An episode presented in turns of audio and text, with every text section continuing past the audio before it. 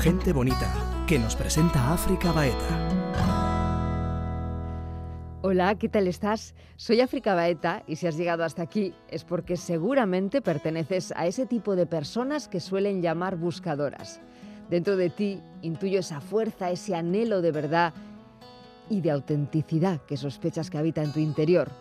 Un anhelo que me llevó hace unos años a crear Gente Bonita, un espacio en el que escuchar la experiencia de otras personas que en su día emprendieron el mismo camino que tú estás quizá a punto de iniciar. Te aseguro que es el viaje más apasionante que puedes emprender, el viaje de regreso a lo que realmente eres. Si te animas a iniciarlo o ya estás en ello, aquí encontrarás algunos compañeros de viaje dispuestos a guiarte en ese apasionante mundo del autoconocimiento te sorprenderás al escuchar y reconocer las respuestas que ya están en ti. Ya sabes, las casualidades no existen. En el primer capítulo, Gente Bonita conversa con Enrique Martínez Lozano, psicoterapeuta, sociólogo y gran experto en el arte de acompañar en ese camino de regreso a lo que realmente somos. Gente Bonita con África Baeta. Enrique, bienvenido a Gente Bonita, ¿qué tal estás? Hola África, pues muy bien, estupendamente. Es difícil presentar a una persona, presentarte sin todas esas etiquetas basadas en el hacer que siempre parece que nos definen. Así que te pregunto para empezar, ¿qué eres? Bueno, es una buena pregunta. Es para empezar en serio y en profundidad, ¿no? pues sí, la primera respuesta que me brota, porque em, para mí es la más evidente, es que soy y que somos una paradoja, ¿no? Totalmente. luego ya desmenuzar eso es más complicado, pero una paradoja porque sí, una cosa de lo que tú dices, esto que nos define en cuanto a la forma, todo lo que podemos observar y nombrar, y la otra parte de la paradoja, el otro polo, es aquello que está más allá de la apariencia o más allá de la forma, ¿no? Fíjate que llevamos toda la vida con nosotros mismos y ni siquiera nos conocemos, ¿no? Vivimos identificados con la falsa imagen de lo que creemos ser. Exactamente, y quizá no solo con la falsa imagen, que eso está muy estudiado ya dentro del campo psicológico, sino sencillamente con lo que llamamos nuestra personalidad, ¿no? Eh, nos limitamos justamente a eso, a lo que sería el cuerpo, la mente, el psiquismo, el yo en definitiva, y fácilmente nos, nos, reducimos a ello, ¿sí? Háblame de esa paradoja de la que hacía referencia al principio, ¿no? Sí, me parece evidente que todo lo profundo es paradójico. Decía uno de los padres de la física cuántica, ¿no? Niels Bohr, decía, eh, lo contrario de una verdad profunda puede ser, suele ser otra verdad profunda. Entonces, todo lo profundo es paradójico y lo humano también es evidentemente paradójico. En lo humano, por hacerlo breve, yo diría que los dos niveles de la paradoja se pueden nombrar como personalidad e identidad. La personalidad es todo aquello que constituye lo que llamamos habitualmente nuestro yo, nuestra persona, el nivel de la personalidad sería el nivel mental, el nivel psicológico, etc. Y luego está nuestra identidad. Identidad es aquello que más allá de las formas, aquello que, realmente nos constituye, aquello que somos. Y a mí me parece que una de las tragedias grandes de, de Occidente, y algo de esto parece que apuntaba Raymond Panikar también, ha sido el confundir la personalidad con la identidad es decir, pensar que nuestra identidad era lo mismo que nuestra personalidad. Y esto da como resultado una constricción, una reducción absoluta de lo humano, ¿no? ¿Y cuánto sufrimiento inconsciente implica esa identificación? Efectivamente, efectivamente, todo el sufrimiento viene de, de, esta errónea identificación, es decir, de no comprender lo que somos. En el momento en que la persona es capaz de comprender realmente su identidad, lo que somos en profundidad, el dolor va a continuar porque forma parte del lote de nuestra existencia, pero eh, el sufrimiento se diluye, desaparece. Así que efectivamente en el origen del sufrimiento que podemos llamar mental, siempre hay una gran ignorancia. ¿no? Si tuvieras que definir el sufrimiento, ¿cómo lo, cómo lo definirías? El sufrimiento. Sí. El sufrimiento es aquella, mm, o sea, es el malestar inducido por una resistencia a lo real, apoyado en una creencia errónea también y adornado con un montón de etiquetas mentales que están también en contraste o en contradicción con lo real. Dicho de un modo más claro, eh, el sufrimiento es generado por la mente siempre que resistimos a lo que nos trae el momento presente, por un lado, y de fondo, y eso explica por qué lo resistimos, porque nos apoyamos en lo que considero que es nuestra primera creencia errónea. La primera creencia errónea, que podría considerarse como la madre de todas las creencias equivocadas, es creer que estamos separados o desgajados de la vida. Y en cuanto yo me considero y doy por hecho que estoy separado de la vida, no puedo sino situarme en una actitud defensiva y en cierto modo incluso entrar en guerra con ella. Esta primera creencia explica absolutamente lo que llamamos el sufrimiento mental, ¿no? Y ahí es donde nace precisamente el buscador, ¿no? Esa, esa ansia interna que te lleva o que te empuja a regresar a casa de alguna manera. ¿Dónde nace? Cuéntame, ¿dónde nace un buscador?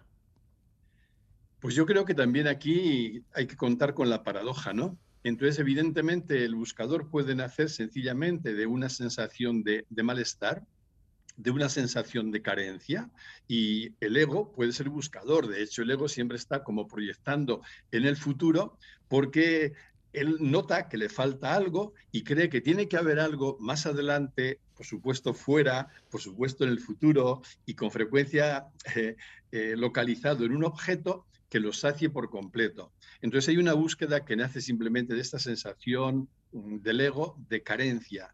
Sin embargo, cuando ahondamos un poquito más, y esta es la otra parte de la paradoja, vemos que eh, en realidad nuestra búsqueda se enraiza y nace de un anhelo profundo. Sería como la voz de, nuestro interior, la voz de nuestra identidad, la que nos está diciendo constantemente, aunque a veces nos cuesta mucho entenderla y saber el contenido, nos está diciendo, ven a casa, ¿no? Ven a casa. Porque al final la búsqueda solo es una etapa transitoria hasta que, hasta que cesa, porque en cuanto llegas a casa la búsqueda desaparece, ¿no? Sí, porque qué bueno lo que acabas de decir, ¿no? Porque al final acabas comprendiendo, yo creo que una de las cosas más importantes, acabas comprendiendo que, que para despertar hay que dejar de buscar, ¿no? Deja de buscar y déjate encontrar. Eso es, eso es, tal cual. Esa era una frase grande del gran también Targadata, ¿no? Deja de buscar, déjate encontrar. Y los místicos sabios de todas las épocas han hablado también de la búsqueda como de un camino sin camino mira, las paradojas ya, quizá porque has empezado por ahí, pero nos sorprenden a cada paso. Aquí hay otra paradoja. El que no busca no encuentra. Por eso la sabiduría del Evangelio decía, buscad y encontraréis, etcétera, ¿no? El que no busca no encuentra. Eso está claro porque el que no busca, bueno, pues se, resigna en el más sentido de la palabra, se encierra y se, se acomoda. Así que si no se busca, no se encuentra. Pero, paradójicamente, el que busca tampoco encuentra. Tampoco encuentra porque el que busca parte de otra creencia errónea de pensar que hay algo fuera, hay algo en otro lugar que tiene que completarme. Entonces, cada pasito que doy para buscar supuestamente aquello que debería completarme es un paso que me aleja de mí. Así que en la medida en que estoy buscando, estoy confundido, ¿no? Por eso la sabiduría es no, no busques, déjate encontrar. Pero yo creo, creo, no, creo que para, para que la búsqueda cese, primero hemos tenido que ser buscadores, ¿no? Claro, es que realmente la paradoja es lo que tú dices, ¿no? O sea, hay una fuerza interna que te lleva a buscar y cuando empiezas a buscar y emprendes ese camino de búsqueda, descubres que no hay nada que buscar, que, que todo está en nosotros. Pero fíjate que, que vamos construyendo, el, tú lo comentabas antes, ¿no? Nuestra identidad según nuestros patrones, creencias, valores, pensamientos según toda esa información que está y que permanece ahí oculta en nuestro inconsciente, que a su vez eh, es el que determina nuestra visión del mundo, la que condiciona nuestra mirada del mundo, ¿no? Pero hablando de paradojas, es necesario vaciarse de toda esa información para poder nacer a lo que realmente somos. Efectivamente, yo creo que el principio de la sabiduría empieza con el autoconocimiento, esto dijera ya Kant, ¿no? El inicio de la sabiduría es el autoconocimiento. Y todo empieza con la pregunta, ¿qué soy yo? ¿Qué soy yo? Y únicamente en la respuesta adecuada a esa pregunta encontramos la comprensión, o lo que es lo mismo la sabiduría, nos liberamos del sufrimiento y de pronto es como que toda nuestra existencia se ilumina. Pero mientras no hay una respuesta adecuada a esa primerísima cuestión, ¿qué soy yo? Pues no podemos abandonar, no podemos salir de la confusión y del sufrimiento, ¿no? Y al final llegas a, otra paradoja, ¿no? Que el autoconocimiento es el olvido del yo. Exacto, exacto, porque también la pregunta, teniendo en cuenta la paradoja, sería doble. Una pregunta en el nivel puramente psicológico, y ahí la pregunta, yo personalmente la suelo formular con el quién, quién soy yo, y la pregunta en el nivel profundo que tiene que ver con nuestra identidad, o si la palabra no estuviera tan desgastada con el nivel espiritual, la pregunta ahí sería, ¿qué soy yo? Parece una cuestión insignificante la diferencia entre quién y qué, pero el quién hace referencia a un alguien, a una personita bien delimitada, entonces es normal que en psicología uno se pregunte, ¿quién soy yo? Eh, en cuanto entidad psicológica. Sin embargo, en el nivel profundo, el quién se transforma en un qué, ¿qué soy yo? Y el horizonte se abre con este qué hasta el infinito, porque no hay nada fijado de, antemano, ¿no? ¿Qué soy yo? Ante esa misma pregunta, uno nota que la mente automáticamente se detiene, se detiene y se traslada como el centro de interés del yo al qué. ¿Qué, qué soy? Y es justamente en ese silencio de la mente cuando puede emerger una respuesta que sea adecuada ¿no? esa gran cuestión. Una de las herramientas o grandes compañeras en todo este proceso de autoconocimiento es precisamente el silencio. Efectivamente, efectivamente. Mira, Antonio Blade, me acuerdo ahora, decía, eh, en el camino del autoconocimiento o del autodescubrimiento, decía él, todas las ideas son un obstáculo. ¿Por qué? Aún se podría ampliar más. Todo lo que nos diga nuestra mente, en principio, es un obstáculo, porque la mente solo puede nombrar aquello que son objetos. De hecho, pensar, que es la tarea de la mente, es lo mismo que delimitar, es decir, es lo mismo que objetivar. Por tanto, todo lo que puede ser pensado, todo lo que puede ser nombrado, es solo un objeto con lo cual queda claro que nada de eso soy yo, con lo cual queda claro, como decía Blay, que todas las ideas en este camino del autoconocimiento constituyen un, obstáculo. ¿De qué se trata? De nuevo otra paradoja, justamente de acallar la mente. Y uno empieza a preguntarse, ¿y cuando mi mente se silencia, cuando mi mente se acalla, qué queda? Eso que queda, que no puede ser nombrado, que no puede ser pensado, eso que queda apunte en la dirección de lo que realmente somos. ¿no? Claro, somos lo que no se puede pensar. Eso es. Ni etiquetar, como tú decías, ¿no? Exacto. ¿Y qué ocurre cuando... Sí, perdona. ¿Qué ocurre cuando, cuando la búsqueda se detiene? Es lo mismo, ¿no? La pues pregunta, en cierta manera, ¿qué hay, no? Cuando de repente te das cuenta de que ese impulso que nace dentro de ti y que te lleva a preguntarte qué eres y a buscar respuestas en el exterior sobre cuando realmente es un camino hacia adentro. Pero llega un momento en que la búsqueda se detiene. ¿Qué ocurre ahí? ¿Qué hay? Sí, no te entiendo bien, África, si te refieres a que la búsqueda se detiene porque en cierto modo la abortamos o se detiene sencillamente porque emerge la comprensión, porque son dos posturas muy diferentes. No, no, no, yo creo que es porque emerge la comprensión, cuando descubres que, no tiene sentido la búsqueda, que la búsqueda es esa, lo que tú comentabas antes, ¿no? esa necesidad del ego de, de entender. Sí, sí, perfectamente.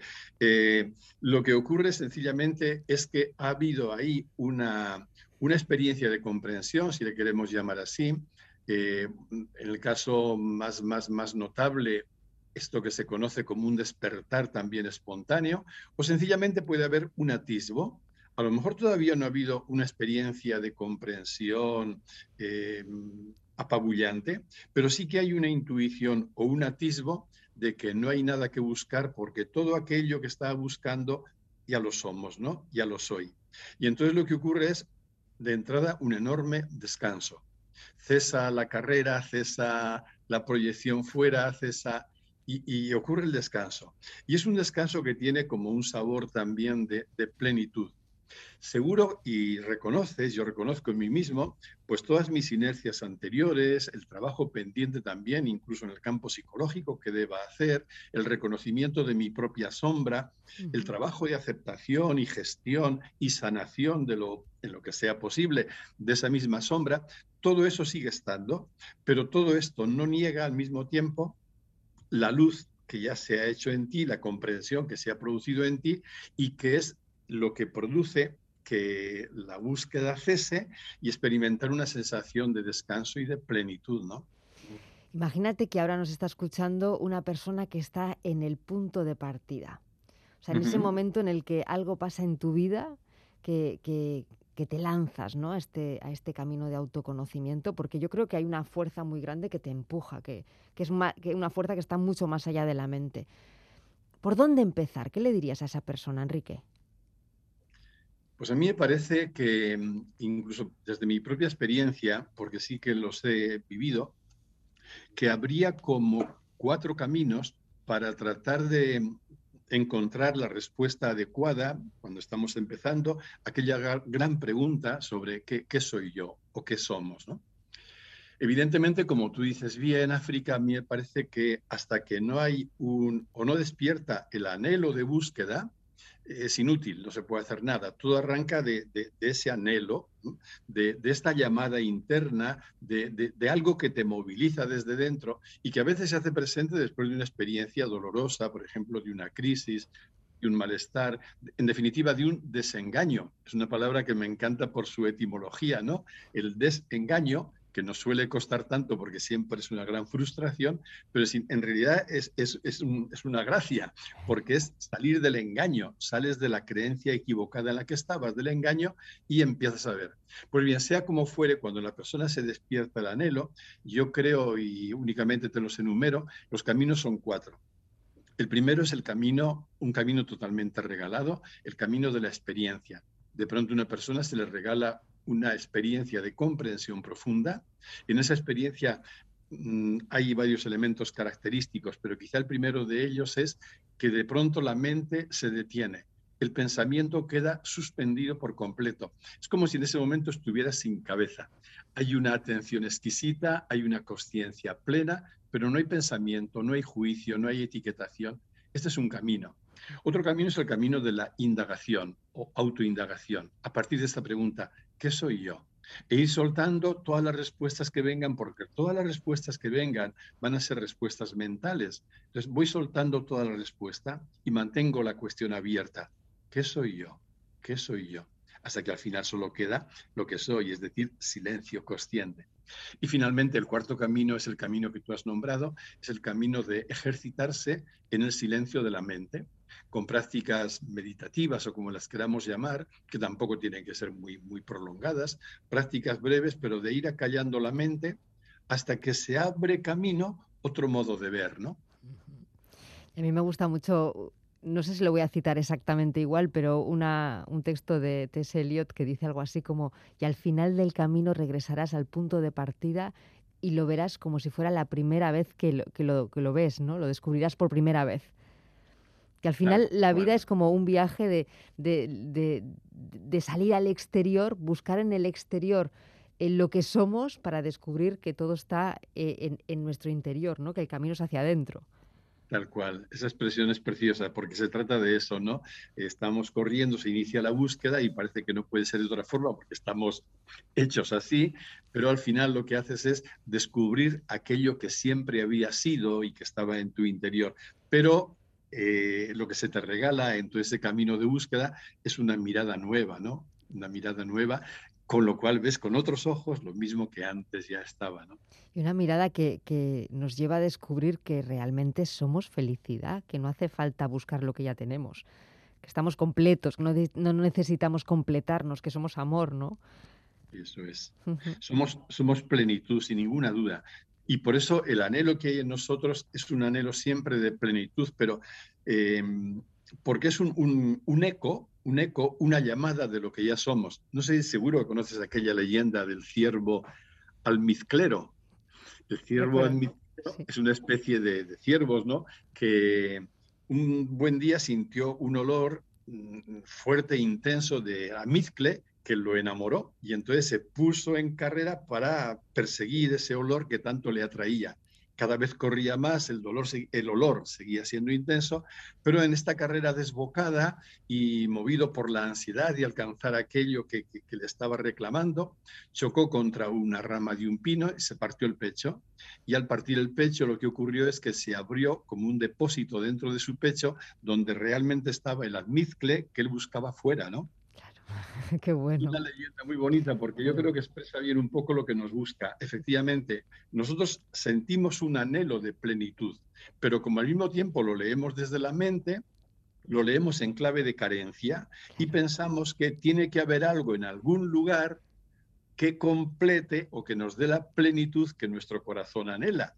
Y ahí empieza todo el camino de ansiedad, de adicciones de todo tipo, pero detrás de cualquier adicción Cualquiera que sea el objeto de la adicción concreta, cualquier adicción no es nada más que un, sustituto de la plenitud que anhelamos, pero que, no hemos descubierto todavía. Y de pronto caes en la cuenta de que, como decías, anda, si es que esto ya está en casa, esto es lo que soy, como en el caso del ciervo, ¿no?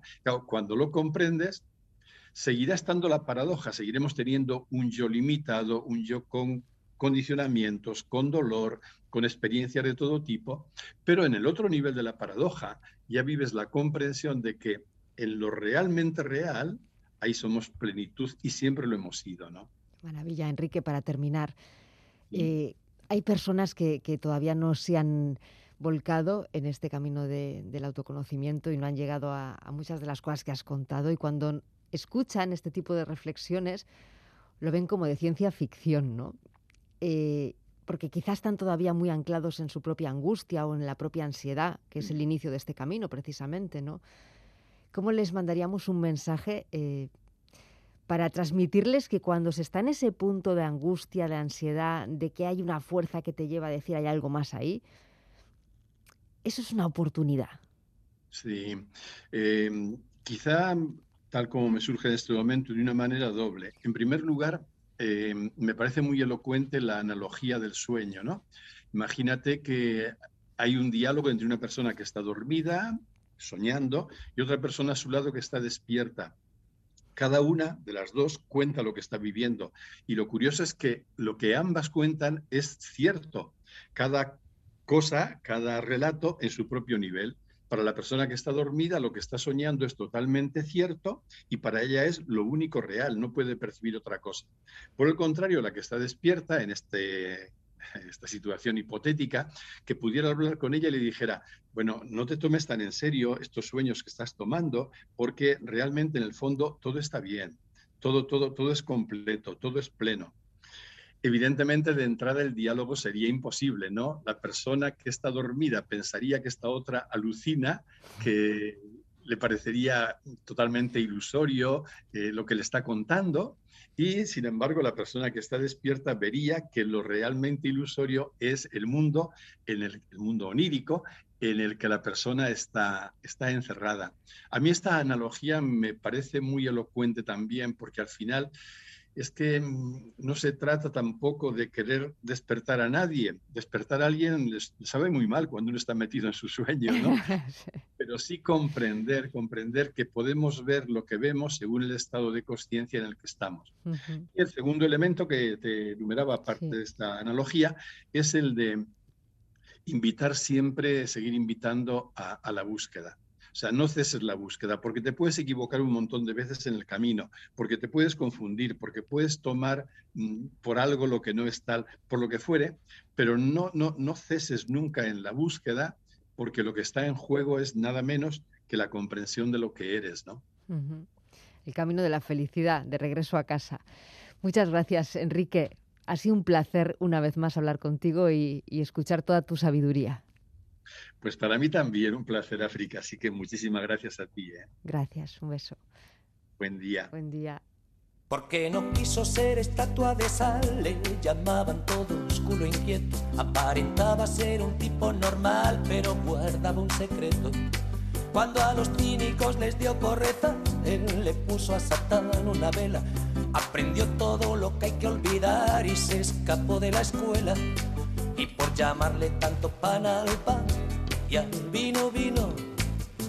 La gente bien pensaba mal y decían por la acera del casino que si tal que si cual, pero a él le daba igual porque gritaba cuando había que callar. Le llamaban todos agua fiestas, dormía todo lo que había que soñar sin perdonar una siesta. Y aunque nadie daba un duro por él, se volcaba tanto en los detalles que sin llegar a nada llegó a ser el capitán de su calle. Pero en el barrio había un general que para colmo lo vio salir de noche a probar a buscarle tres patas a las gatas y dos peras al olmo para merendar. Porque sabía que la verdad desnuda guarda oculta detrás de la corteza el hueso de cereza de una duda y se reía con la melancolía que le da la razón a la tristeza cuando los labios pierden la cabeza. Y terminamos con otro gran filósofo, con Joaquín Sabina, que le apasiona a Enrique, por cierto. Y ya sabes que si te apetece seguir indagando, explorando, puedes encontrar más respuestas en nuestro canal de YouTube Gente Bonita, en ITV Podcast o en tus agregadores favoritos. Agur. Gente Bonita, con África Baeta. Por burlarse de lo más sagrado, los del juzgado empapelaron al capitán y le echaron cinco mil años y un día para que aprenda a cantar en la mazmorra fría, porque sabía que la verdad desnuda guarda oculta detrás de la corteza el hueso de cereza de una duda y se reía con la melancolía que le da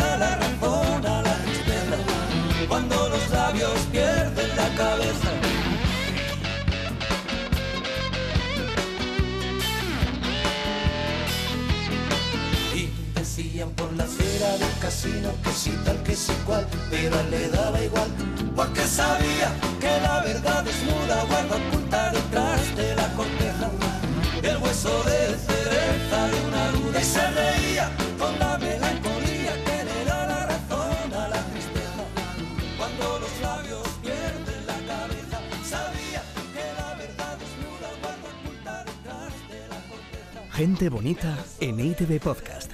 Escúchanos y suscríbete.